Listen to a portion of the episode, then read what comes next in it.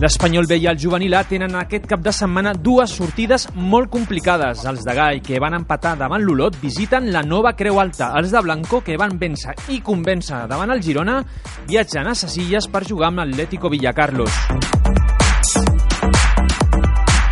Després del cop dur que va suposar l'empat en l'últim minut a Olot, el filial vol aconseguir la primera victòria a domicili. Gai destaca que l'Espanyol B està competint a un gran nivell i que tindrà les seves oportunitats. Entiendo que ser un partido muy complicado, muy, muy difícil para nosotros, pero también eh, hay que decir que somos un equipo que juega bien, que va muchas veces por delante, que sabe jugar en estos campos, que estos campos que están bien cuidados y con mucha amplitud nos vienen muy bien y que vamos a tener nuestras opciones seguro.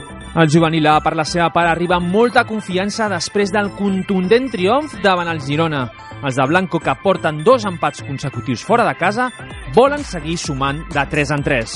Es cierto que, que el contexto de jugar en casa, jugar fuera eh, es distinto. Este- esta semana vamos a, a un campo totalmente distinto, de dimensiones muy, muy reducidas, también con el condicionante de- de- del viento, ¿no? que suele soplar muy fuerte en, en aquella zona. Eh, bueno, tendremos que adaptarnos, pero la, identidad de, este equipo es, es competir igual en, cualquier situación de, que nos podamos encontrar. I si no us voleu perdre cap partit aquest cap de setmana, consulteu la nostra agenda.